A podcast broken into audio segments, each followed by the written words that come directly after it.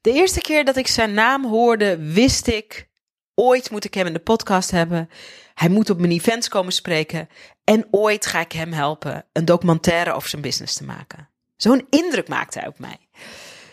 Tony Loorbach, die vandaag samen met zijn compagnon Martijn van Tongeren te gast is in de podcast, is een bestsellende businessauteur. Hij is een ondernemer en hij is pas 31 jaar jong, maar hij heeft al zes succesvolle bedrijven opgezet, samen met zijn compagnon Martijn. Hij is ook iemand met een lege agenda. Hij is ook iemand die elk jaar zijn hele team van inmiddels 17 fulltimers op een roadtrip ergens naartoe neemt. De laatste roadtrip die ze hebben gedaan was, geloof ik, twee weken lang in campers door Amerika. En hij doet de dingen op zijn eigen manier. Anders dan alle andere ondernemers die ik ken. Met heel veel plezier en met heel veel vrijheid en met heel veel succes. In 2019 heeft hij gedoopt tot het jaar van de zichtbaarheid. Hij wilde zichtbaarder worden. En op die manier zijn onze paden elkaar gekruist. Omdat hij dacht, ik wil hulp in dat pad van die zichtbaarheid. En dan ga ik Sarayda ga ik voor aanspreken. Dat vond ik natuurlijk super cool. En hoe dat precies gegaan is, dat ga je horen in de podcast. Maar Tony is een lichtend voorbeeld samen met zijn compagnon Martijn. Ze zijn allebei jongens die een lichtend voorbeeld zijn van dat je business op je eigen manier kan doen en dat je daar mega succesvol in kan zijn. Ze hebben niet lang geleden, bij wijze van verjaardagsactie, het AFAS Circus Theater in Den Haag afgehuurd en 1800 mensen gratis de kans gegeven om een hele dag van hen te leren. En als ze kaartjes hadden verkocht voor dat event, want ze geven vaker events en daar verkopen ze kaarten voor. Maar als ze kaartjes hadden verkocht voor dat gratis event, hadden ze 1,3 miljoen euro verdiend. Maar ze kozen ervoor om het gratis te doen. Als je denkt, hoe kan het dat ik deze gasten nog niet ken? Tony en Martijn, that's about to change. Sowieso in deze podcast, maar ook dit jaar. Want dit is het jaar dat ze echt zichtbaar gaan worden. En ze gaan het over hebben over waarom ze dat willen. En voor jou als luisteraar van deze podcast is misschien ook wel iets. Misschien ben je ook een inspirerende ondernemer en zou je ook zichtbaarder moeten worden, maar weet je niet precies hoe en zou je mijn hulp wel willen gebruiken daarin. Dat kan helemaal gratis. Omdat ik heb een gloednieuwe gratis training gemaakt. Een live training die op 20 mei begint en die tot 31 mei duurt. Waarin ik het zo makkelijk en leuk voor je heb gemaakt om zichtbaarder te worden. Dat het bijna moeilijker is om onzichtbaar te zijn dan om echt zichtbaar te worden. Makkelijker is om onzichtbaar te zijn. Nou, je begrijpt wat ik bedoel. Ik heb het in elk geval zo makkelijk voor je gemaakt dat je meteen aan de slag kan. En, dat je daarin mijn hulp en mijn ondersteuning uh, hebt. Ik heb zelfs een aantal video's voor je gemaakt al. Hoe dat precies zit, ontdek je allemaal op zichtbaarlive.nl. Daar meld je je gratis aan voor de training. En vanaf daar kan je lekker aan de slag. En ben ik er om je, om je te helpen met je zichtbaarheid. Maar eerst ga je misschien genieten van een van de leukste gesprekken die ik ooit heb gevoerd in deze podcast. Met Tony Loorbach en Martijn van Tongeren over alles wat zichtbaarheid voor hen betekent. Stel nou dat je maar één marketingactie mag doen het hele jaar en dat je met die ene actie impact moet maken. Dus niet het hele jaar door allemaal kleine dingetjes, niet uh, je ziet het wel en je begint gewoon en je gaat alvast, maar je hebt maar één kans en die ga je optimaal benutten. Volgens mij was dat het idee wat Martijn en Tony hadden toen ze bedachten dat ze AFAS Circus Theater gingen afhuren. En 1800 mensen de kans gingen geven om een dag lang gratis van hun te leren. En voor mij was het zo dat ik het zag en dat ik dacht: hé, hey, deze gasten zijn met iets stofs bezig. En ik was niet de enige die het zag. Heel Nederland dacht: wie zijn die twee brutale marketingjongens die denken de online wereld zo op hun kop te zetten? Ik vond het een heel leuk idee. Ik ben ook geweest en ik vond het ook een mooi moment om in gesprek te gaan met twee mannen die denken dat ze het wiel opnieuw gaan uitvinden op het gebied van marketing en zichtbaarheid. Ze kijken me ook een beetje angstig aan als ik dat zeg. Ik, het wiel, helemaal wiel. Niet van ik weet het niet hoor, ik weet het niet. hey Tony Martijn, leuk dat jullie in de podcast zijn. In de Sarayda podcast praten we gewoon over alles wat ondernemerschap en zichtbaarheid is. En um, ik heb zin om van jullie te leren hoe je um, Het veilige pad wat je kan bewandelen als ondernemer met je zichtbaarheid, hoe je dat een beetje ontwricht. Hoe je dat een beetje opschudt. Welkom. Dank je. Jullie kijken me heel verwachtingsvol aan. Ja, dit is echt een, Ja, dit is een grote mensenintro, hè? Dus, Was dat? Introductie van heb ik jou daar. Ja, dus ik weet ik niet wie dan als eerste iets durft te Oké. zeggen. Van, Dus eigenlijk staan we, wij staan altijd tegenover elkaar als we onze eigen podcast opnemen. Dus het voelt heel intiem zo schouder aan schouder. ja, klopt. Maar wel goed. Ja, dit is, dit is goed. Ja, maar zijn jullie oké? Ja, het Mooi. is wel wat ontwrichtend. Ja, goed zo. Helemaal de bedoeling. Hey, neem me heel even mee, jongens, naar dat moment dat jullie dachten.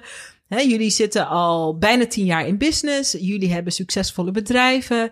Jullie hebben alles wat er eh, te zien is op het gebied van marketing wel een keer gezien. Mhm. En dan bedenken jullie iets wat nog nooit gedaan is. Hoe ziet dat eruit? Wanneer gebeurt dat? Wanneer ontstaat dat? Eh, hoe komt dat tot stand? Nou, dit, dit event, ehm, dit was een beetje gewoon van het een kwam het ander.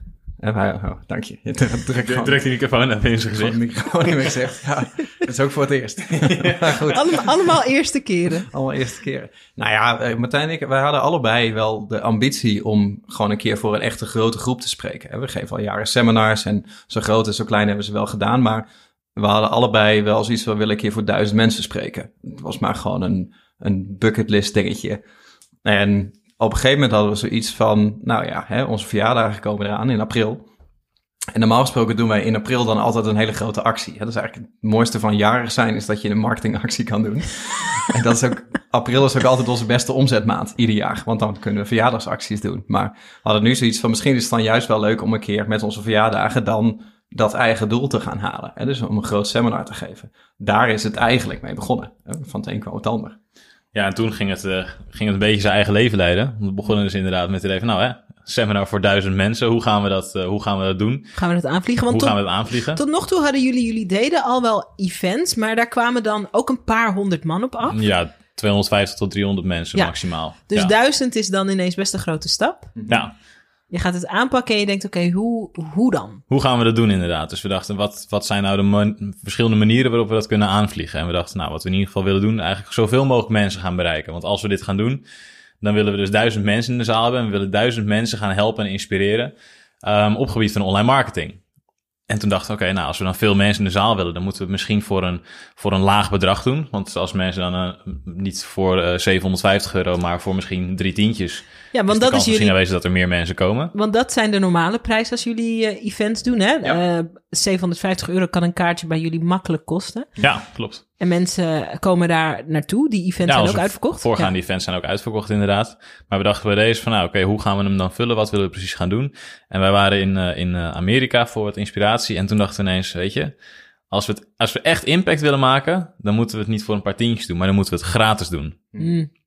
Dus die, die beslissing was daar genomen. En de beslissing was daar ook genomen om niet alleen maar het gratis te gaan doen, maar om het ook echt groots aan te gaan pakken. Want we hadden wel al het team eh, op de been gezet van, hey, ga eens op zoek naar een aantal locaties. En zij hadden de, toen het AVA Circus Theater al gevonden. Van nou, dat, dat, dat Is, eh, is ook niet, is ook niet, hoef je ook niet heel ver voor te zoeken. Die, die klopt. is er gewoon, ja, zeg doe maar. maar een mooie, mooie locatie waar duizend man, man in past. Ja, ja, Ja, ja. Je, moet het, je moet het wel ook durven voorstellen. Want, Zeker, Want wij zeker. zeggen gewoon tegen eh, toen nog de, de twee Danielles hier van nou ga maar een, een locatie zoeken. En dat kan natuurlijk alle kanten op gaan. Ja, Dus kan een, je- kan een hotel zijn met een, met een zaaltje. Kan, eh, kan van alles zijn. Kan zo'n conferentiezaal zijn. Dat Ja. zie je ook heel vaak in eh, die ondernemerswereld. Zo'n conferentiezaal waar veel mensen in kunnen. ja, had ook zoiets kunnen ja, zijn. Of, of inderdaad speel op veilig, hè, een Van de Valkzaaltje of, eh, of wat dan ook. Maar ja, die kwamen dan met het Avondcircus Theater aan. En dat was Wat wel was jullie eerste reactie? Want het is natuurlijk een theater waar... Oh, jullie Fucking vet. Ja, dat was heel vet, ja. Ja, maar dat, toen merkte ik eigenlijk wel, toen ze daarmee kwamen, van oké, nou wordt het wat magischer. Hè? Dus dan is Mhm. het niet meer gewoon een zaal waar heel veel mensen in kunnen, maar dan is het een theater en ook een theater waar de Lion King en zo draait. Dus dat heeft, dat heeft wat meer cachet. En Ja. toen, toen begon het bij ons ook wat meer te leven. Ik weet nog dat we, toen wij terugkwamen uit Amerika, toen wij hadden daar net bedacht van, nou, als we dit gaan doen, dan het is all in or all out. Hè? Dus als we, als we het gaan doen, dan moeten we all out gaan op, op elk mogelijk front. En toen kwamen wij terug en toen zei de Danielles tegen ons van ja, er kunnen trouwens 1800 mensen in in plaats van 1000. Maar ik denk dat we gewoon voor 1000 gaan, toch? En wij hadden gewoon Eén blik, we kennen we aan, 1800. ja, 1800, sowieso 1800. En die meiden vielen echt, alle, Saskia zei het ook, die vielen alle drie van hun stoel gewoon echt van, Oh my god. Oh my god, we waren hier al een klein beetje bang voor. Zei Ja, dus. klopt. Ja, want niet alleen van waar ga je dan al die mensen vandaan halen, maar ook alle organisatie. Bijvoorbeeld, hè, iedereen zou een goodiebag krijgen. Ja, dan moet je ineens 1800 goodiebags vullen in plaats van 1000. Dan wordt het allemaal wel even wat groter van. Het is Ja. bijna twee keer zo groot. Ja, nu weet ik dat er iemand zit te luisteren op dit moment. Die denkt, eh, een fantastische droom. Oh, later wil ik dat misschien ook wel een keer zoiets. Maar het is natuurlijk van de zotte dat je dan geen kaartjes verkoopt. Ja. Want als we denken aan 1800 goodiebags Mhm. voor 1800 mensen, eh, foldertjes, eh, misschien ook wel lunch, die zaal moet gehuurd worden. Dat is gewoon nou, alles wat er in die zaal moet gebeuren. Ik geef zelf ook events. Mhm. Onze events zijn ook voor tussen de eh 100 en de eh 250 mensen.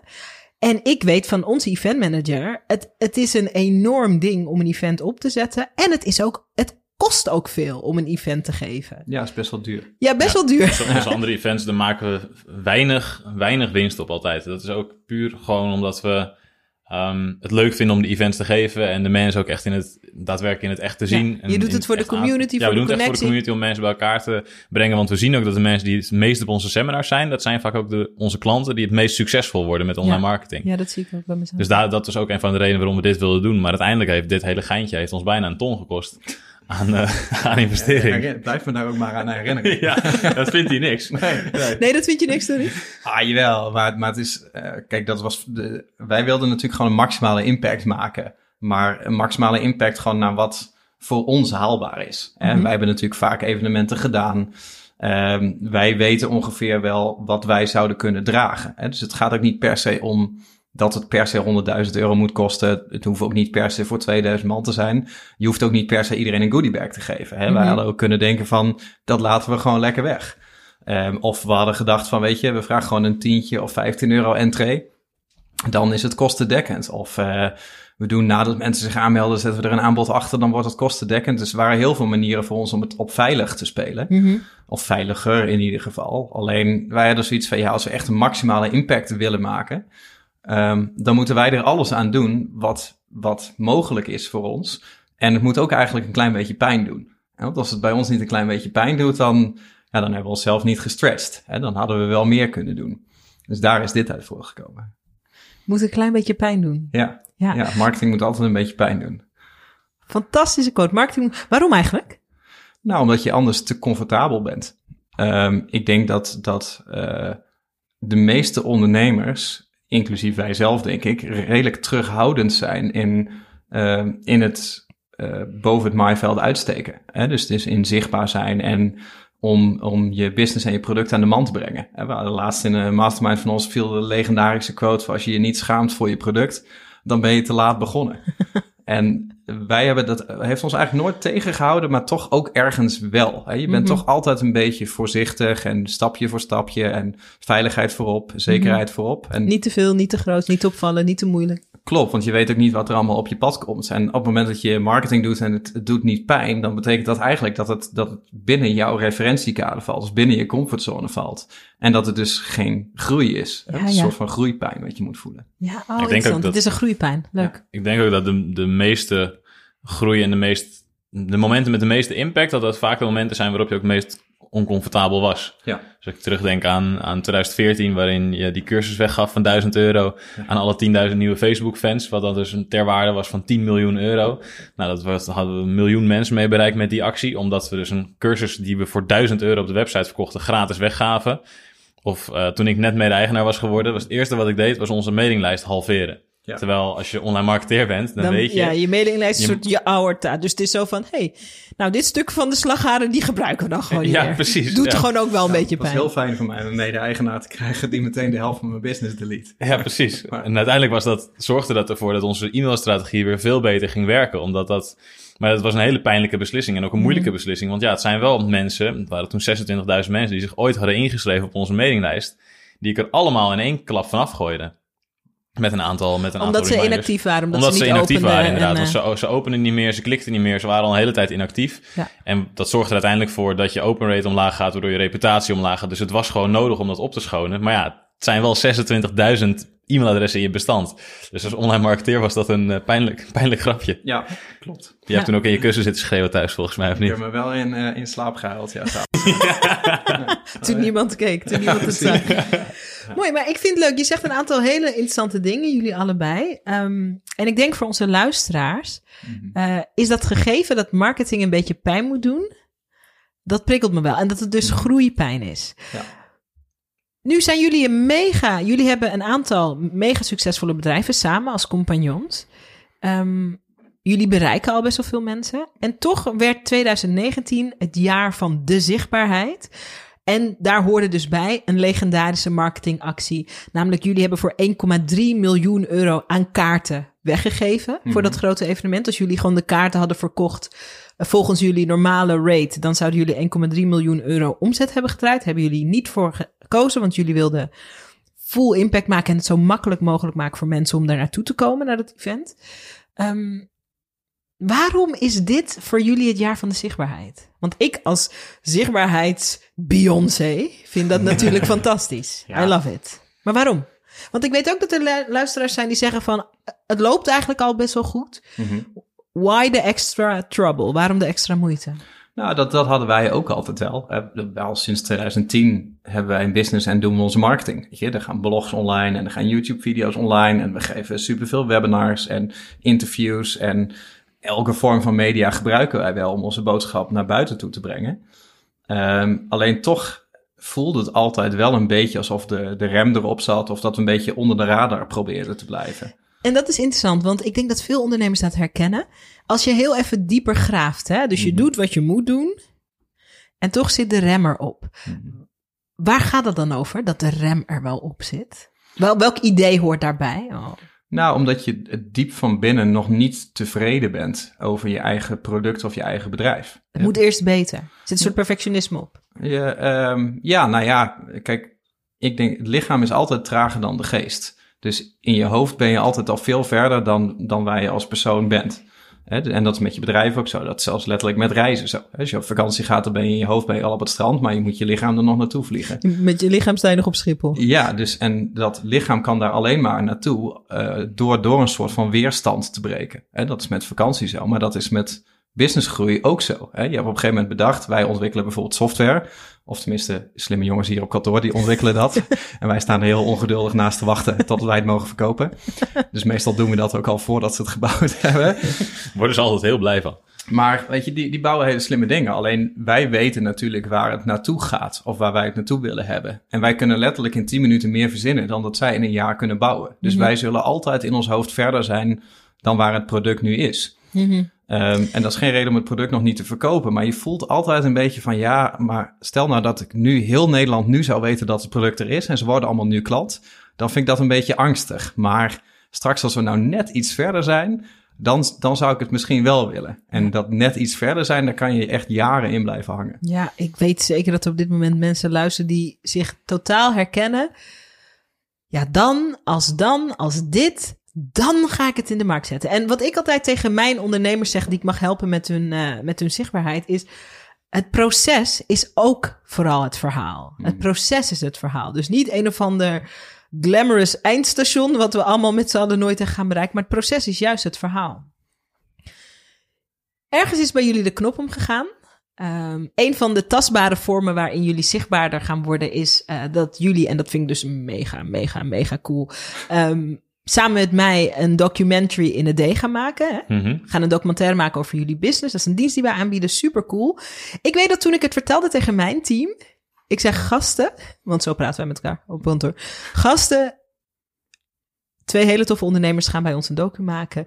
Raad eens wie. En toen, toen ik zei Tony en Martijn, ging er een soort euforie ging er zo op in ons team. Oh my god, oh my god, oh my god. en ik heb daarover nagedacht. Ik dacht, wat maakt dat um, een team wiens werk het is om documentaires en video's te maken, dat die dat dan toch heel spannend vinden. En ik denk wat erin zit, want dat vind ik zelf ook, is dat um, jullie hebben zo'n gevestigd bedrijf al opgebouwd, zo, zijn zo succesvol. En we hebben eigenlijk zin om jullie nog beter te leren kennen. We hebben zin om Tony nog beter te leren kennen. We hebben zin om Martijn nog beter te leren kennen. Ehm, hoe zijn jullie hier gekomen? Wat is er goed gegaan? Wat is er fout gegaan? Wat vinden jullie? Wat voelen jullie? En dat ga je laten zien met de docu. Dat gaan jullie allebei laten zien. Het is, we hebben natuurlijk al het een en ander opgenomen. Het is heel, ook heel persoonlijk verhaal. Welke vrijheid creëer je door meer van ook dat menselijke te laten zien? Want jullie zouden ook tot in de eeuwigheid soort in de informatie kunnen blijven hangen of achter de inhoud. Ik denk dat, dat door het menselijker te maken, dat mensen zich er sowieso sneller in herkennen. Dat ze je sneller geloven. Want als je alleen maar informatie geeft, en informatie dat verzadigt mensen alleen maar. Mensen denken dat ze altijd op zoek zijn naar kennis. Maar ze zijn juist op zoek naar een, naar een stukje emotie. En je raakt mensen een emotie als ze een verhaal horen. Als ze snappen wie jij bent, als ze snappen waar je vandaan komt, als ze snappen waarom je bepaalde keuzes hebt gemaakt. En het is grappig dat je net zegt, ja, jullie zijn al zo'n gevestigde orde en we zijn nu een documentaire aan het maken. Zo ik denk, ja, ik denk dat dat misschien wel een van de belangrijkste redenen ook is voor ons om dit jaar tot het jaar van de zichtbaarheid te dopen. Omdat ze zeggen altijd fake it till you make it. Maar wij eigenlijk iets van, we willen eerst echt een bedrijf hebben staan en mhm. dan pas het van de daak gaan schreeuwen. En mhm. niet zoals sommige ondernemers het ook doen, het van de daken schreeuwen terwijl er eigenlijk helemaal geen business achter hangt. Mhm. Dus wij kunnen nu, in principe hoeven wij nu maandenlang niks te doen en de business zal door blijven draaien. En dat is waarom we nu weten, de business is nu zo krachtig, het staat nu zo sterk. We hebben al zoveel honderden mensen geholpen. Nu is het echt de tijd dat we veel meer mensen willen gaan helpen. We willen tienduizenden mensen, honderdduizenden mensen willen gaan helpen met onze kennis. En omdat we nu weten van onszelf dat we het aankunnen, dat wij het aankunnen, dat het team het aan kan, dan hadden we iets van, ja, dit jaar moet daardoor het jaar van de zichtbaarheid worden. En daarom het event en daarom ook jouw docu. Nou, jullie docu. Ja, onze docu. Wij, ja, die wij, jij, uh, ja, wij mogen, ik en het team mogen jullie ondersteunen om dat uh, te vertellen. Ja, maar, ik denk dat het, want ik zit er nou even over na te denken terwijl jij uh, lekker losgaat op de microfoon. maar het, weet je, het, het, omslagpunt lag ook wel vorig jaar, denk ik, dat ik heb een hele lange tijd, zeg maar, dat, dat ik de marketing deed en jij deed dan het management. Ja. Dus dan was ik met name naar buiten toe. En mensen informeren, dat, dat ligt heel dicht bij mij. Bij mij hè? Dat ligt veel dichter bij mij dan mensen inspireren. En wat jij al zegt, hè? informatie zet mensen aan tot analyse, uh, maar emotie zet mensen aan tot actie. Mhm. En ik vond ergens altijd wel frustrerend dat ik mensen heel erg aan het analyseren zet en heel erg informeerde, maar minder tot actie. Um, de, die emotie zat er eigenlijk helemaal niet, niet zo in. Uh, omdat dat ook niet zo heel erg bij mij past. Maar ik denk vorig jaar oktober, toen zijn wij die achtdaagse challenge gaan doen. Ja. En Welke was, achtdaagse challenge? Nou, dat was een, een online challenge dat we in acht dagen vanuit het niets een internetbusiness gingen bouwen, die dan binnen die acht dagen ook al omzet moest opleveren. En dan konden mensen online met ons meedoen. Dus wij gingen gewoon acht dagen op rij op Facebook, elke ochtend om tien uur laten zien van nou, hè, vandaag gaan we een verkooppagina bouwen en morgen gaan we advertentie aanzetten en dat soort dingen. En, Wat leuk. En wij bouwden dan mee. Ja, dat was echt superleuk. Ik weet nog dat, dat toen we dat met, met dat idee kwamen, dat, dat, dat was toen eigenlijk de eerste klap in zichtbaarheid die we gemaakt hebben vorig jaar. Hmm. Of een groot, een groot statement naar de markt toe ook dat toen ik het daar met jou over had, dat jij die zag, oeh, die, die doet wel een beetje pijn. Want gaan we de markt nu niet verzadigen? Gaan we ze nu niet te veel mailen? Zijn het niet veel te veel webinars? Kost het niet te veel energie? Klopt. Dus dat, dat was toen ook heel pijnlijk. Maar toen had je iets van, nou, oké, laten we het gaan proberen. En toen zijn we samen al out gegaan om de markt mee te nemen in die acht dagen in het bouwen van een business. Ja, door die groeipijn heen gegaan. Nou, maar dat is een beetje het omslagmoment. Want ik zag dat inderdaad niet zo heel erg zitten. Want ik had zoiets van, ja, als wij dan acht dagen lang informatie gaan geven, dan gaan we mensen verzadigen in informatie. En daar, daar hebben wij niks aan, maar daar hebben die mensen ook niks aan. Alleen ik had helemaal geen rekening mee gehouden dat als wij het met z'n tweeën zouden doen, dat er een soort van entertainment factor in zou komen. En nu is het dan ineens Tony en Martijn. En dat Tony is... en Martijn! Ja, klopt. Ja, ja daar weet jij van heel dichtbij. maar, uh, Zal ik je zo wat meer over vertellen. Maar, maar dat, is een, dat is een andere factor hè, die er nu in is gekomen. En dat kwam dus tijdens die achtdaagse. Merkten we dat we dat eigenlijk heel leuk vonden. En dat er veel meer emotie kwam. En die emotie kwam juist omdat het ineens een duo was. Hè? Dus er zat dynamiek tussen ons. Dat was een bepaald soort menselijkheid. Ja en, en ik denk dat we daardoor, door die ervaring, omdat dat zo goed werkte en we daardoor zoveel bereik hadden dat we toen besloten hebben van we moeten hier meer mee gaan doen. Of vind ik dit. Weet je wat ik leuk vind? Um, ik vind het zo leuk dat uh, de ontdekking van hé, uh, hey, we zijn een goed duo. Uh, ook hè, in business natuurlijk, maar dus ook als vertellers. hey, we kunnen mensen echt aanzetten tot actie door meer van onszelf te laten zien. Dat ontstaat eigenlijk per ongeluk als je gewoon begint. Mm -hmm met uh, zo'n impuls die je hebt. hey, dit lijkt me tof. Of hey, zou het niet leuk zijn als... Als je die impuls gewoon volgt. En als je gewoon inderdaad uh, acht dagen lang elke ochtend live gaat op Facebook. Het is zo'n kleine keuze die je maakt, die zoveel tot gevolg kan hebben. Als ik jullie even mag bijvallen. Ik heb ook zo'n soort ervaring, had ik vorig mhm. jaar. Ik, um, ik, ik hou erg van live video's maken. Um, ik ging heel veel live op Facebook, maar ik ging nog niet live op Instagram. Want dat, dat deed ik gewoon nog niet. En toen dacht ik, weet je, ik ga gewoon in de maand mei, ga ik gewoon 31 dagen lang, elke dag live. En er zat geen idee achter. En ik dacht, ik ga gewoon elke dag kijken of er iets is wat ik wil bespreken. Kunnen hele korte video's zijn. Um, en ik ben dat gewoon gaan doen. En daar was zo'n leuke reactie op. Dat dat, het nu een soort mega fundament in alles van onze business. Mhm. Elke keer als wij een event geven en ik vraag wie uh, is hier vanwege Sarayda Zichtbaarheidsshow, zo heet die uh, live talkshow op Instagram. Dan gaan een soort. Ja, toch? Ja, ja, ja. Je doet toch een beetje je best met de dingen. maar dan gaat ongeveer 40% van de handen omhoog. Mhm. En toen, ik was natuurlijk ook te gast bij jullie event. Ik was natuurlijk ook komen kijken. Mhm. En um, vroeger werd ik dus herkend van de tv. Ik werkte vroeger bij BNN en MTV als presentator. En tegenwoordig word ik dus herkend van de Instagram show. En het is zo, um, zo'n kleine keuze kan zoveel in beweging zetten. Nou, sterker nog, want ik dacht dat je, dat je iets anders ging zeggen van hè, vroeger werd ik herkend. En ik heb het idee dat je nu meer erkend wordt. Oh, zonder de H. Mooi. Ja, want... want en waarom heb je dat idee? Nou, omdat uh, ik, ik heb dat een klein beetje ervaren. Ik heb jou voorheen toen je bij BNN werkte ook wel gezien. En dan ben je een soort van bekende Nederlander. Dan ben je zeg maar heel erg zichtbaar. Maar zichtbaarheid betekent niet altijd impact. Mm -hmm. dus dat heel veel mensen je zien, betekent niet dat je bij heel veel mensen echt binnen. Iets losmaakt, klopt. En, en nu eh, heb je natuurlijk je eigen show en je eigen input. En daarmee uh, vertel je dingen aan mensen waar zij zich in herkennen. En, en die herkenning, ja, dat wordt echt een woordenspel zo, maar die herkenning zorgt ook weer voor erkenning. dus... Ik voel me ook veel zichtbaarder nu dan toen ik bij de tv werkte. Ja, dus het gaat niet Terwijl om... er veel meer mensen toen, technisch team, hè, tv is een massa, massa medium. Ja. Veel mensen zagen dat, maar ik heb het gevoel dat mensen nu veel meer me beleven. Ja, je hoeft, het gaat helemaal niet per se om de massa. Nee. je hoeft niet uh, tienduizenden of honderdduizenden mensen te bereiken in de zin van dat ze jou gezien hebben. Of dat je uh, ja, ik ga vanavond dan naar, naar Ajax in de arena. Nou, als ik over het veld ga streaken, dan kom ik in beeld. dan ziet iedereen mij. Maar niemand zal weten wie ik ben. Hè? Mhm. dus, dus ik heb wel zichtbaarheid. Nou, ondertussen. Ja, oké. Okay. Ja, Die Tony Lorach van de IMU die rennen en zo over het veld. ja, ik wou... Een rare vogel is dat. Nou, ik ga, ik ga toch maar even een abonnement nemen. Nee, ik, ik wou zeggen, dan heb je wel zichtbaarheid, maar geen impact. Maar de verkeerde impact in ieder geval. Het zal mensen mhm. wel bijblijven. Maar denk, je hoeft echt maar bij een, een, een paar mensen, tientallen, honderden misschien, een echte impact te maken, een echte connectie, zodat ze jou erkennen voor um, wat je voor hen betekend hebt om, mm -hmm. om iets heel magisch te creëren. Ja, super cool. Ik denk dat het ook is omdat jij nu veel persoonlijker bent en eerlijk bent en je eigen verhaal vertelt, wat je net ook tegen ons zegt eigenlijk. Daardoor kennen ze jou nu echt als persoon in plaats van dat je, jij een presentator bent in een, eh, in een televisieprogramma. Ja, en als gezichtje komt opdraven. Hm. Ik denk ook dat een van de dingen die ik um, met de ondernemers met wie we mogen samenwerken, zoals bij jullie, uh, maar ook met uh, uh, bijvoorbeeld klanten van Video Business School, van mensen die via Instagram kijken. Waar ik altijd op hamer is, ik weet wat het is om zeg maar zichtbaar te zijn, um, zonder impact. Zichtbaar te zijn, een beetje een imago. Jij bent een BNN-babe. Oh, ik voel me echt totaal geen BNN-babe, maar als jullie het allemaal zeggen, zal het wel zo zijn. Mm -hmm. Er is ook niks aan nee. om op die manier zichtbaar te zijn. Maar de keerzijde is, als je besluit om echt zichtbaar te worden, hè, zichtbaarheid voor impact, dan moet je dus komen opdraven ook met wie je bent. Ja. Jullie waren best wel persoonlijk op het event. En de docu wordt heel persoonlijk. Dus dat moet je ook durven. Wat, wat beleven jullie in um, dat we uh, Martijn en Tony echt beter leren kennen als we naar een event gaan? Straks ook in de documentaire.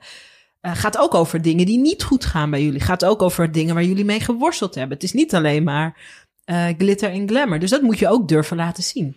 Ja, ik denk dat het heel raar is als je het misschien niet durft te laten zien. Dat dat, dat vaak voorkomt uit een stukje angst. Omdat ja, we zijn nu op een punt met ons bedrijf waarop het bedrijf eigenlijk voor zich spreekt. En de successen voor zich spreken en de klanten voor zich spreken. Dus dit is gewoon het verhaal wat wij hebben doorlopen. Dit is wie wij zijn. En mensen kunnen je daardoor afkraken. Maar ze zien wat er ondertussen staat. Dus Mhm. ik denk dat het alleen maar krachtiger maakt omdat het, het veel echter is. Als het alleen maar Juha zou zijn en alles is fantastisch, dan wordt het op een gegeven moment heel ongeloofwaardig. Ja. Omdat iedereen ga- gaat door pieken en dalen heen in zijn persoonlijke leven, maar ook door zijn business. Je, ga- je hebt altijd tegenslagen, je hebt altijd fuck-ups. En ook juist die dingen delen, ik denk dat dat het alleen maar krachtiger maakt. Dat mensen dan ook zien van, hé, hey, wij kennen hun, zij staan aan het podium, maar zij hebben ook fouten gemaakt. Eh, Dat ik eh, een paar maanden geleden dat ik 30.000 euro per ongeluk te veel had uitgegeven op Facebook. Ja, dat was ook een, een flinke fout wat je, dan, wat je dan even maakt. Wat, fijn dat je dat nu erkent. ja, wat, wat, wat pijnlijk was en waardoor, waardoor ik ook een nacht wakker, wakker had gelegen. Maar dat, dat hoort er ook bij. Ja, fouten maken. Tony, jij was ook openhartig op het event, hè? Mhm. Ehm, wat is het verhaal dat je gedeeld hebt waar de meeste eh, herkenning op zat of de meeste reactie op kwam? Ehm, ik heb een heel stuk gedeeld over eh, de burn-out die ik heb gehad. Dus de, de, de successen gevolgd door een hele periode dat het niet zo goed ging met het bedrijf. En dat heb ik best wel uitgebreid gedeeld over eh, dat, dat een hele tijd ons product niet aansloeg. Dat, dat de business niet liep. Dat we 40.000 euro kosten per maand maakten en 0 euro omzet. En dat ik daardoor in een burn-out belandde. En vervolgens ook wel hoe ik daar dan weer uit ben gekomen. Ehm, dat, daar heb ik eigenlijk de meeste reacties op ontvangen. Van, van iedereen die ik gehoord heb. Mensen vonden de tegenslagen die we gedeeld hebben, vonden ze veel inspirerender dan de hoogtepunten die we gedeeld hebben. Je, je, vond dat gek ook, hè? Je weet dat het zo werkt en toch vond je het gek. Ehm, nou ja, het, het blijft natuurlijk wel apart. Want ik, ik weet niet precies waar, waar dat zit. Maar wat, wat Martijn zegt, weet je, er zit een bepaalde angst. Hè? Als we online gaan, dan zijn we angstig dat we iets laten zien wat niet perfect is. Dus we hebben allemaal opgepoetste Instagram plaatjes met filters. We hebben allemaal mooie belichting, ideale hoeken. We delen alleen maar ons meest opgepoetste verhaal als we een videootje plaatsen of een stukje tekst schrijven. Dus ergens hebben we die, die ehm, behoefte om het mooier te maken dan dat het is. En we zijn heel angstig dat iemand dan door dat eh, opgepoetste plaatje heen prikt. Eh, en, en dat neem je eigenlijk ook wel een beetje mee als je op het podium staat. Dus dan is het heel raar als je denkt van ik ga een seminar geven over hoe ik succesvol ben geworden. Omdat iedereen die in de zaal zit wil leren hoe je ook succesvol kan worden. En dat al die mensen dan het meest inspirerend vinden wat er allemaal niet voor jou heeft gewerkt. Hè? Of de tegenslagen die je hebt gehad. Dat, dat is het vreemde. En dat is, we hebben het hadden het net over herkenning, maar eh, marketing is wel gewoon herkenning. Hè? Herkenning is denk ik het woord wat het dichtste bij marketing ligt wat je kan hebben. Dat mensen zich herkennen in jouw verhaal. Ja, mooi. Jij zei dat toen ook, je bent als spreker te gast, te gast geweest bij mijn event, hè, bij Ja. Brave New Media World. Ik moet ook meteen lachen, want het was A, hartstikke leuk dat je er was. En B, het is een startschot geweest van een heel interessant gesprek dat wij sindsdien voeren. Klopt, ja. over je liefdesleven daarover later nooit meer meer. Ja, hij is al genoemd hoor. Hij is gevallen. Er komt een reality show. Even, even voor de achtergrond, als je niet bij Brave New Media World was. ehm, Tony zat in het Brave New Media panel. En, en, en Tony is vrijgezel. En vrouwen in de zaal, want er zitten veel vrouwen bij ons in de event eh, in de zaal. Die vonden dat gewoon leuk. Ja, klopt. Dat is de samenvatting. Ja, Maar, daar- daar- Die vonden dat leuk en inspirerend en zo. Hyst- Ja, precies. Hysterische vrouwen, slipjes naar het podium. Nou, je kent dat. Maar je zei toen ook bij het event, en dat was voor heel veel mensen een hele mooie eye-opener. En ik hoop dat ik het goed reproduceer. Dat er drie stappen, eigenlijk drie dingen zijn waar je doorheen moet om een connectie te maken met, vanuit je marketing. En dat was Mhm. herkenning. De tweede ben ik vergeten en de derde was ontspanning. Ik hoop Ja, dat je... vertrouwen. Her- Ja, herkenning, vertrouwen, ontspanning. Ja. En dat was zo helder uitgelegd, vond ik dat.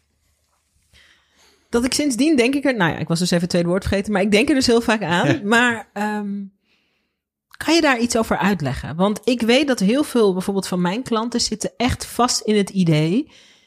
Het gaat niet echt om mij. Het gaat om het product. Het gaat om weet ik veel waar, maar het gaat niet echt om mij. En ik weet dat er vaak zit er gewoon een angst onder van, oh jee, oh jee, ik wil graag alleen maar iets presteren als het perfect is. Of, oh jee, ik ben nog niet klaar. Ik ben nog niet goed genoeg. Ik weet nog Mhm. niet genoeg. Terwijl de grote kans ligt in herkenning, vertrouwen, ontspanning. Ja. Leg uit. Nou, ehm, die, eh, die stelling van het gaat niet om mij, die klopt wel. Eh, maar het antwoord dat het om het product zou gaan, dat klopt niet. Het gaat namelijk niet over jou als ondernemer, maar het gaat over je klant. Dus net als het voorbeeld wat we net noemden, hè, zoals een, als bekende Nederlander word je herkend. Maar het moet niet je doel zijn dat mensen jou herkennen. Het moet je doel zijn dat mensen zichzelf in jou herkennen. Hmm, En dat, like en dat is een En heel duidelijk verschil. Ja, mooi. Hè, wij eh, hadden het laatst ook over met, eh, met marketing. Van het gaat er niet om dat je klant begrijpt wat jij doet. Het gaat erom dat je klant zich begrepen voelt door wat jij doet. Mhm. En dat zijn, dat zijn hele andere dingen. Dus eigenlijk gaat het niet om jou, maar het gaat om je klant. Dus je moet je klant leren begrijpen.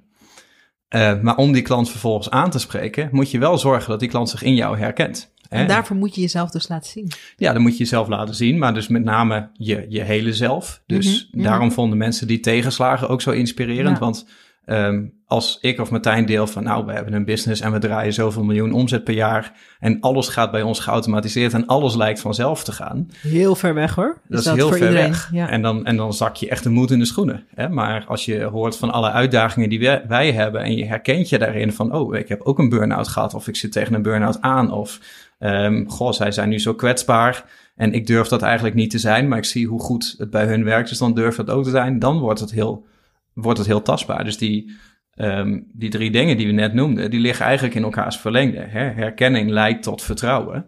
Want je herkent jezelf Mhm. in iemand anders en daardoor ga je die persoon meer vertrouwen. En vertrouwen leidt tot ontspanning. En je kan iemand het best beïnvloeden op het moment dat hij ontspannen is.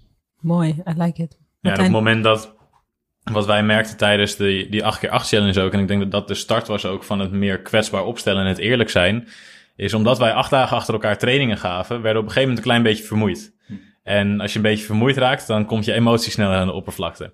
En als wij een training geven aan honderden mensen die online zijn, dan wil er wel eens een wat, um, ja, wat minder handige vragen binnenkomen. En dat zijn heel vaak, dan, dan geven wij een training, laten we echt stap voor stap zien, dit zijn de stappen die je moet zetten.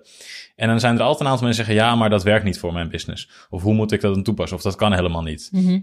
En De wij sceptici. merkten, de, de sceptici inderdaad. En wij merkten dat we in plaats van die online marketing training aan het geven waren, ook steeds meer een soort van mindset coach aan het worden waren. Van hey, je, je, je zit in een maar mindset. Je zit alleen maar ja maar. Je, hebt- je hebt bezwaren. Maar als je dat nou even lostrekt en gewoon kijkt naar oké, hoe kan ik dit toepassen voor mijn business, dan kom je veel verder. Dus in, we waren eigenlijk beperkende overtuigingen aan het wegnemen. En we waren heel eerlijk op een aantal reacties. Er was zelfs iemand die gaf een, eh, we gaven een voorbeeld over een tool die je kon gebruiken. En dat een, was een tool die kost dan 100 euro per maand om te gebruiken. En die vrouw zei, ja, wat, wat je kan doen. Ik zei, oh, je kan een gratis trial, dus probeer het, kijken of het wat voor je is. En dan, dan kan je het of gaan gebruiken of je stopt er weer mee. En zo was er iemand online en die zei van, ja, super handig. Wat je kan doen is dat je elke twee weken gewoon een nieuw e-mailadres aanmaakt en daar dan een trial mee aanvraagt. Zodat je nooit hoeft te betalen. Maar ja, wij hebben softwarebedrijven. Dus dat, die kwam redelijk bij ons binnen. Van ja, dat vinden we eigenlijk niet zo tof. Dus we gaven daar ook, normaal gesproken gaven we er altijd politiek correcte antwoorden op als wij een training geven. Maar nu gaven we onze eerlijke mening daarover, wat wij daarvan vonden. Ja. Nee, dat vinden we eigenlijk niet cool. Weet je, wij hebben zelf een softwarebedrijf. Dat is eigenlijk misbruik maken van iemand anders Ja. zijn hard ingeïnvesteerde, geïnvesteerde uren. En we merkten vervolgens dat na die reacties van ons, die eerlijke reactie, dat de mensen die in de chat zaten, het daar helemaal mee eens waren. Dus die herkenden zich in de mening die wij hadden. Maar hadden wij het gewoon gebagatelliseerd en met een politiek correct antwoord afgedaan, had het helemaal niet zoveel impact gemaakt. Maar we merkten tijdens die challenge hoe langer die duurde, hoe eerlijker wij werden. Hoe, en hoe, Dat jullie hoe, meer op jullie tandvlees liepen. ja, ja, maar je wordt gewoon steeds... En daarna zijn we steeds vaker eerlijker durven zijn naar de mensen die we online spreken. En daardoor durven we ook eerlijk te zijn op IME Live, op het podium. Omdat we weten, ja, als we eerlijk zijn...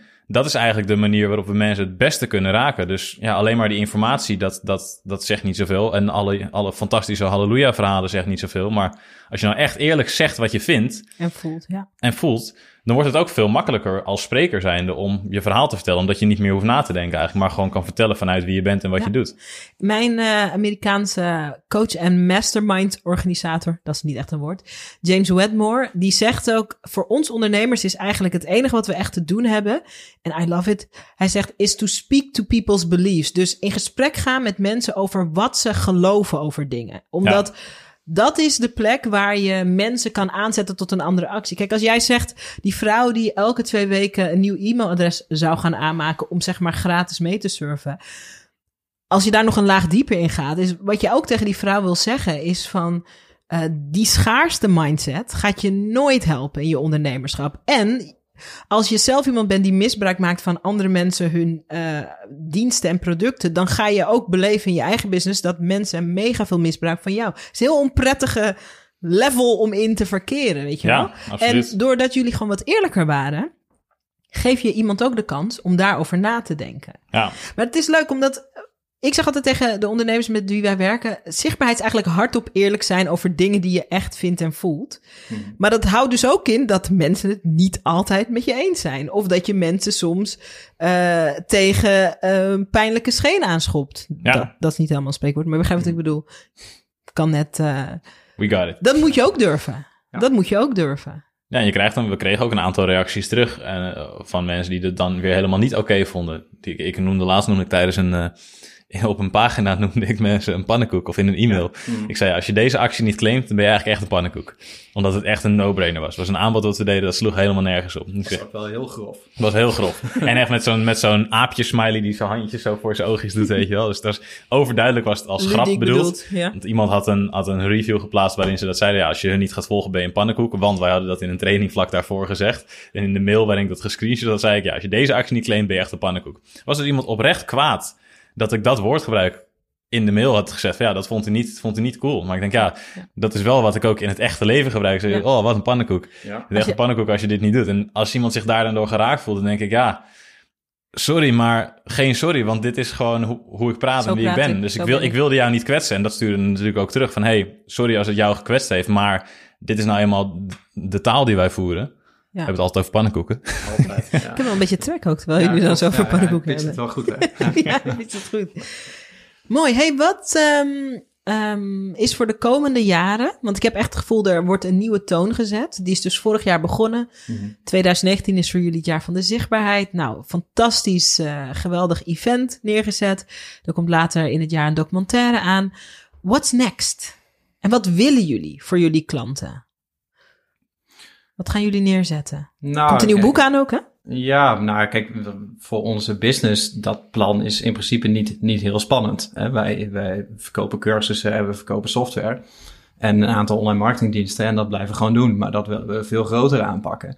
Dus we zijn al sinds 2010 zijn we bezig om ondernemers te helpen om meer online succes te behalen. En in het begin was dat heel simpel met een stukje website software en een training hoe je dan een website kon inrichten. Ja, nu zitten daar veel meer cursussen omheen over verschillende vakgebieden van online marketing. En hebben we betere software, maar ook verschillende softwarepakketten om zoveel mogelijk ondernemers daaraan te kunnen helpen. Dus die missie die blijft wel. Eh, en dat, dat zal alleen maar groter groeien. Dus dat, dat is in principe, voor ons is dat, niet zo, is dat niet zo heel erg spannend. Eigenlijk moet gewoon elke ondernemer die iets met online marketing wil doen in Nederland of België sowieso gewoon in aanraking zijn geweest met de IMU, met onze tools en met, met ons coachingstraject.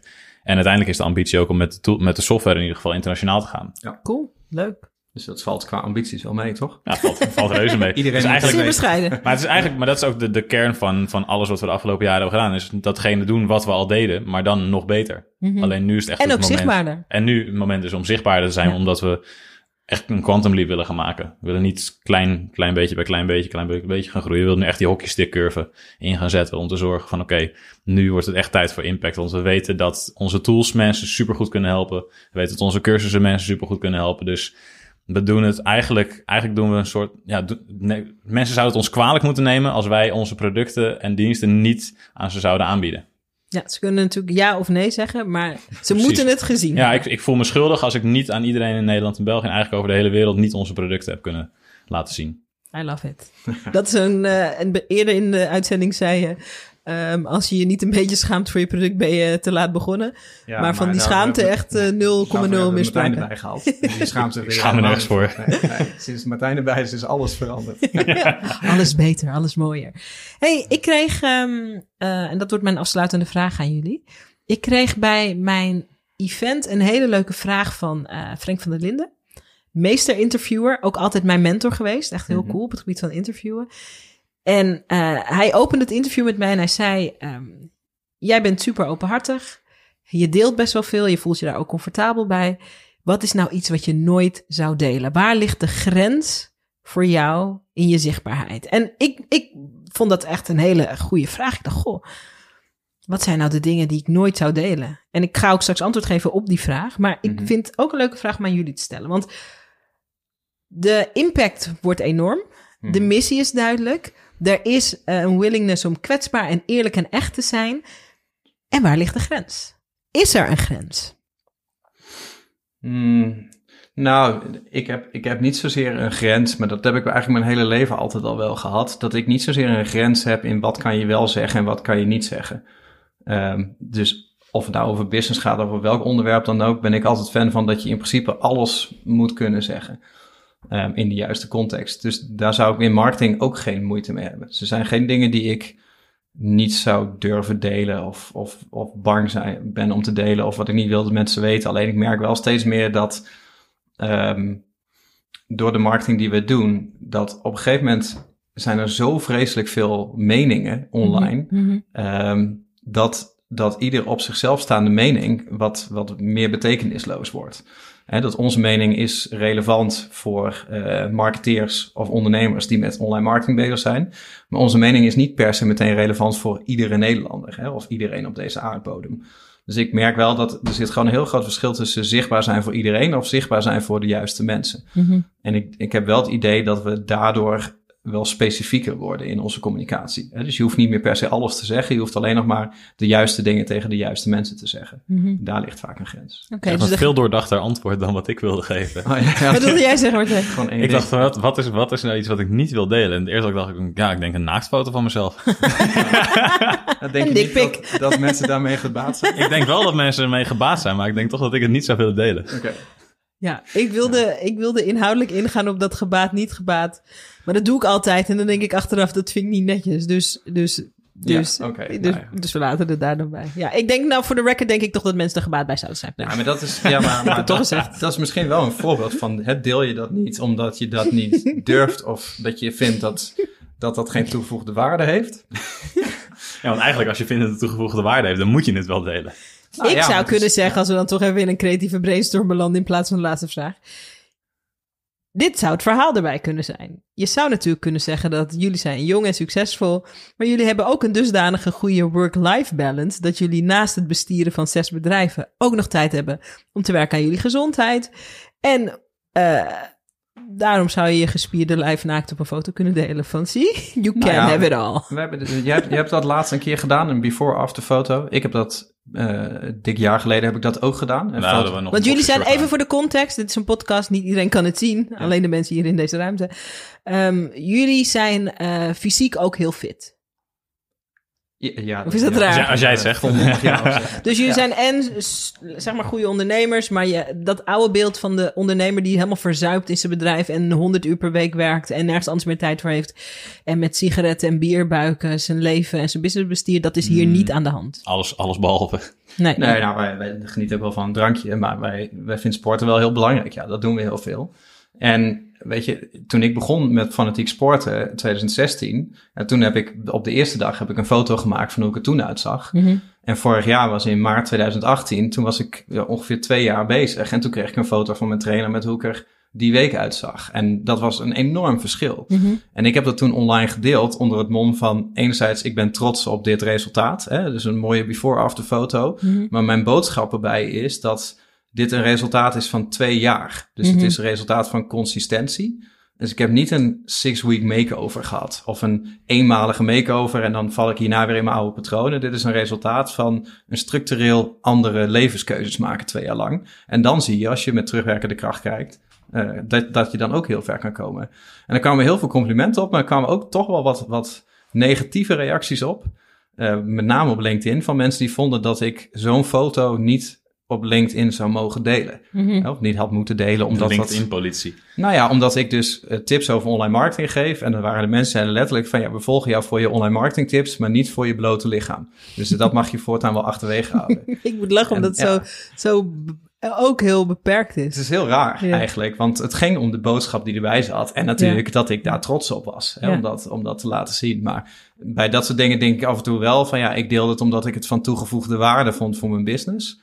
Maar als ik die boodschappen niet bij had gehad, dan weet ik niet of ik het wel gedeeld had. Nee, Maar het is toch ook context. menselijk dat je, dat je trots bent op zoiets? Ik, denk- ik vind dat niet raar of zo. En ik denk dat al, al was het alleen die foto geweest, ook dat kan al mensen inspireren en motiveren. Van hé, hey, kijk eens wat er mogelijk is. Mhm. Ja. Maar ja, er zijn gewoon altijd mensen die, die beperkende overtuigingen hebben, die, daar dan, die dat dan niet er doorheen kunnen zien of zo. Nee, nee.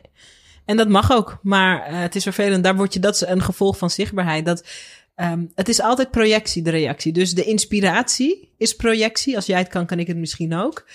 En eh, dit zou je niet mogen doen, want ik zou dit nooit durven of ik vind het ongepast, is ook projectie. Het is Ja. altijd projectie, de reactie. Ja. En eh, soms is dat eh, een uitdaging om mee te dealen. Maar hoe meer je het krijgt, hoe minder belangrijk het ook wordt. Ja. Dus, Nou, maar dus- dat is ook, hè, omdat je natuurlijk vroeg van wat zou je niet delen? En ik, ja, maar ik schaam me in principe nergens voor, dus ik heb niks te verbergen.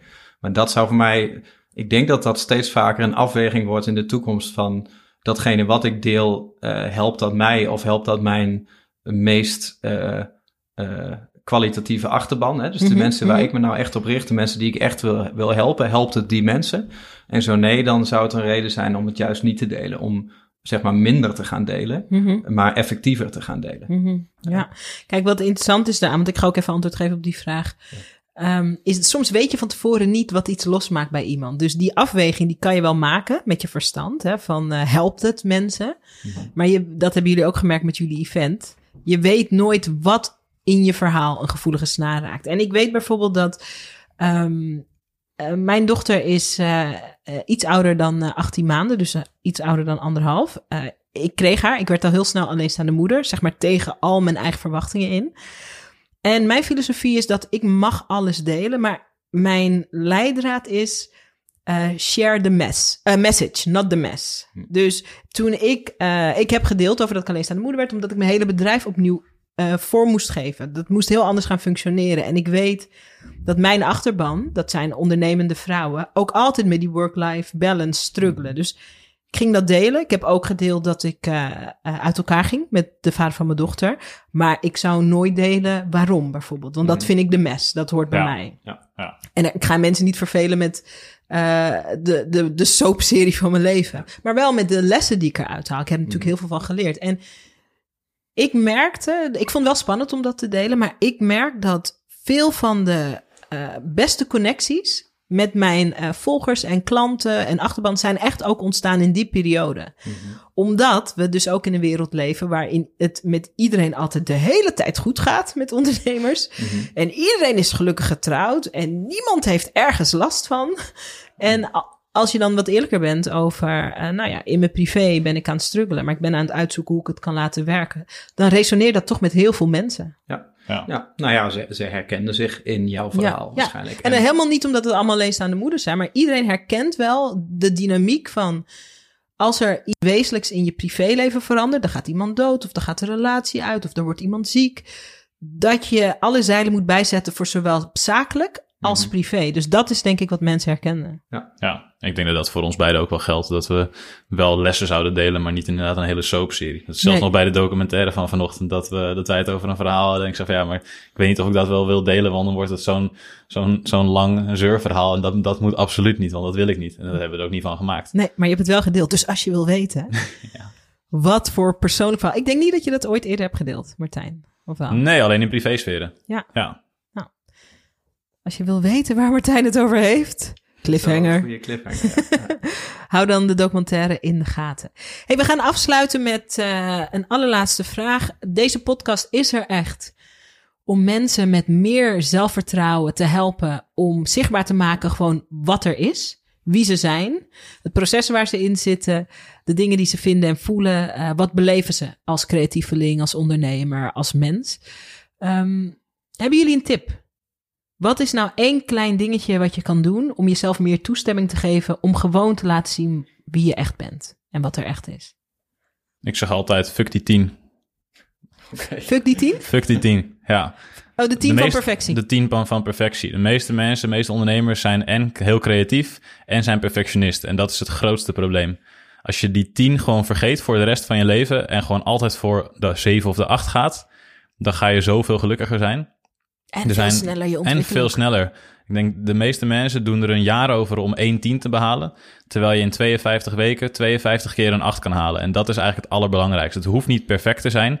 Weet je, probeer iets. Het hoeft niet, hoeft niet 100% goed te zijn. Kijk wat er gebeurt. Voelt het goed? Nou, dan ga je ermee door. Voelt het minder goed? Ga je er niet mee door. Maar als je blijft struggelen en blijft uitstellen... en de video 100.000 keer opneemt tot die 100% perfect is... het gaat nooit perfect zijn. Dus fuck die 10 en ga er gewoon voor. I like it. Tony, dankjewel Martijn. Ja, ik moet wel even diep denken. Ik heb niet echt heel veel erva- ervaring met niet perfect zijn. Verschrikkelijke vent ik is het toch, bijna, oh, omdat ik totaal niet dacht dat je dat ging zeggen, wilde ik iets heel aardigs gaan, gaan zeggen. Maar dat slik ik dan bij deze ook. Oké, je hebt dus geen ervaring met niet perfect zijn. Ga Nee, maar als ik me dan in een andere verplaats. Nee, maar jongen, jongen, jongen. ehm, Ja, dit- nu leer je wel trouwens de echte Tony Loorbach Ja, kennen. Want ja, dit is zo hoe helemaal die op het einde. Dit is hoe die dagelijks gewoon Helemaal altijd op het einde. gewoon heel irritant, zeg maar. Nee, ja, ik, weet je, ik, ik snap dat perfectie najagen wel. Ik denk dat, dat in ieder geval iedere ondernemer die ik ken is altijd een perfectionist.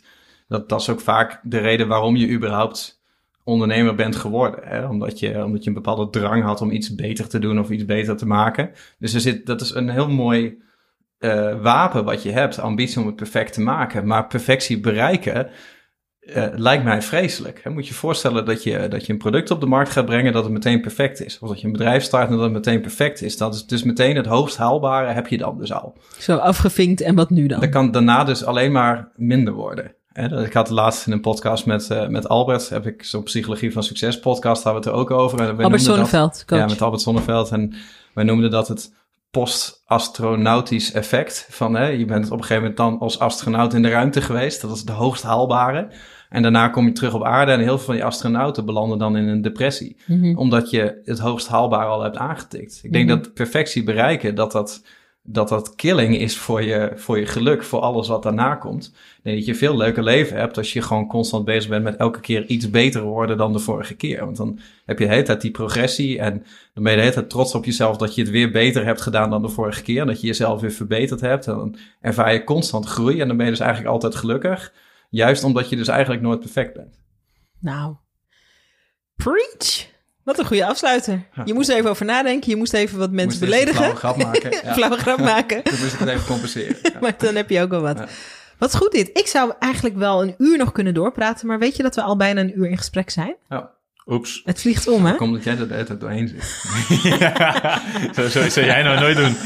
Ja. Ik hoop dat je ehm, genoten hebt. Ik hoop dat je geïnspireerd ben- bent geraakt. Ik hoop dat je tot actie bent aangezet. En als je denkt, ik weet eigenlijk al een hele tijd dat er nog veel meer voor mij te beleven valt. Veel meer te halen valt op het gebied van impact, op het gebied van mensen helpen. En dus ook op het gebied van zichtbaarder worden. En nadat ik de verhalen van Tony en Martijn heb gehoord, wil ik, moet ik, ik wil die groeipijn. Ik wil dat mijn marketing een beetje pijn gaat doen. Als je daarmee wil experimenteren, heb ik iets leuks voor je. Want ik heb een hele gratis training ontwikkeld. Helemaal over dit thema. En ik heb het zo makkelijk mogelijk voor je gemaakt. Om snel en makkelijk zichtbaar te worden. Het hoeft ook helemaal niet moeilijk te zijn. Het mag ook leuk zijn. Dat hoorde je ook in de stemmen van de jongens. Het mag een leuk avontuur zijn. Dus als je daar meer over wil. We gaan officieel op 20 mei beginnen. Maar het is handig om je van tevoren in te schrijven. Zodat je even kan kijken wat we gaan doen. Simpel en leuk en makkelijk. En ik beloof je ik durf te beloven, dat je na die gratis trainingssessies, het zijn live sessies online die je kan volgen en terug kan kijken, dat er iets geshift is in je mindset qua zichtbaarheid. Dat er iets meer ontspanning, iets meer losheid, iets meer inspiratie, iets meer lef misschien in je is aangeboord waarmee je aan de gang kan. Dus je zou gek zijn, je zou een pannenkoek zijn. Inderdaad. Ik aan je lip. Ik denk, waar kan ik me aanmelden, Sarayda? Je zou een pannenkoek zijn als je niet even gaat bekijken. Ga naar zichtbaarlive.nl. Schrijf je gratis in. Oh, had ik al verteld dat het helemaal gratis is. En kom op ontdekkingsreis. ja, goed hè? Ja. Hoe kom je erop? Ja, een beetje afgestolen van jullie. Een beetje afgeboekt van jullie. Ja, ga naar zichtbaarlive.nl. eh, schrijf je gratis in. En, en kom onderzoeken. Kom onderzoeken eh, wat er voor jou mogelijk is. Mannen, dankjewel. Graag gedaan. Zullen we dit gewoon heel vaak doen? Ja, Is goed. weer. Leuk. En als je meer wil weten over eh, de documentaire die eraan komt, de, de jongens, het werk, waar, waar kunnen mensen naartoe? Waar mogen ze naartoe? imu.nl. Kijk, Ja. nog makkelijker dan zichtbaarlive.nl. Nou, maar- Ja, ze kunnen alles lezen. En daar komt de docu straks, als hij af is, ook op. Hè? Ja. Dus, eh, nou, en ook op alle social media kanalen. Als je eenmaal googelt eh Tony en Martijn, dan vind je alles. Alles. Ze- Ja, dat zou je nog vertellen. ja. Oké, ja, dat ga ik nog even vertellen. Korte afsluiting. Ik ben heel slecht in afsluiten. Hebben jullie dat al gewerkt? Ja, dat geeft niet. Daar hebben we ook nog eentje van. Ja. Vinden wij ook altijd het lastig. straks is en dat we hier nog staan. Ja.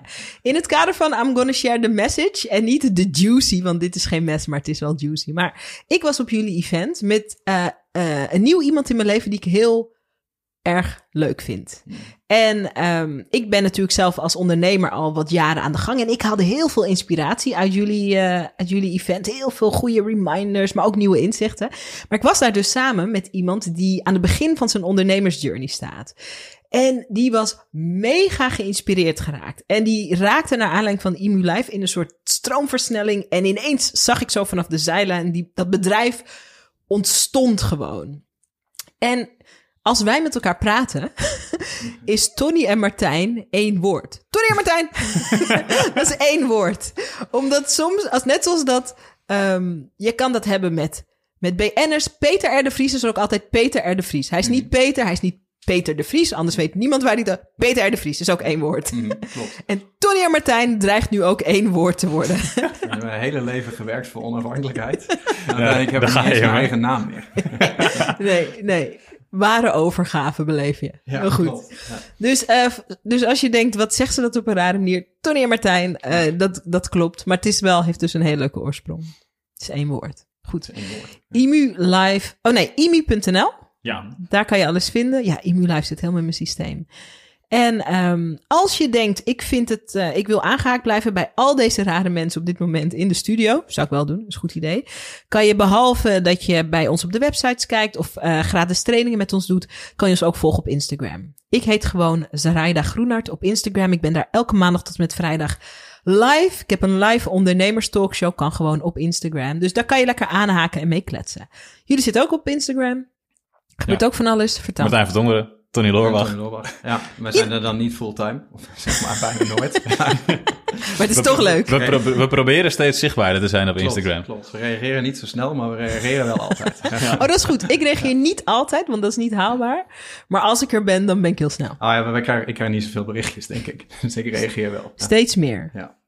En een andere keer gaan we een aflevering doen over hoe ik me ga bemoeien met Tonny's liefdesleven. Ja, maar Dat- daar moeten we even een keer een hele dag voor uittrekken. Daar moet, daar moeten we even een keer een, een dag eh, de rest van de wereld voor stilleggen. Komt goed. Moet je wel snel zijn, want er luisteren heel veel vrouwen naar deze podcast. Dat is Volgens mij die straks allemaal naar Tony's Instagram toe gaan. Allemaal naar die before- en afterfoto gaan kijken. En dan eh, komen ze allemaal de DM's binnen. En Ja. dan een berichtje sturen, want hij reageert altijd. Hij reageert altijd. Ja, Oké, misschien, niet, misschien niet altijd.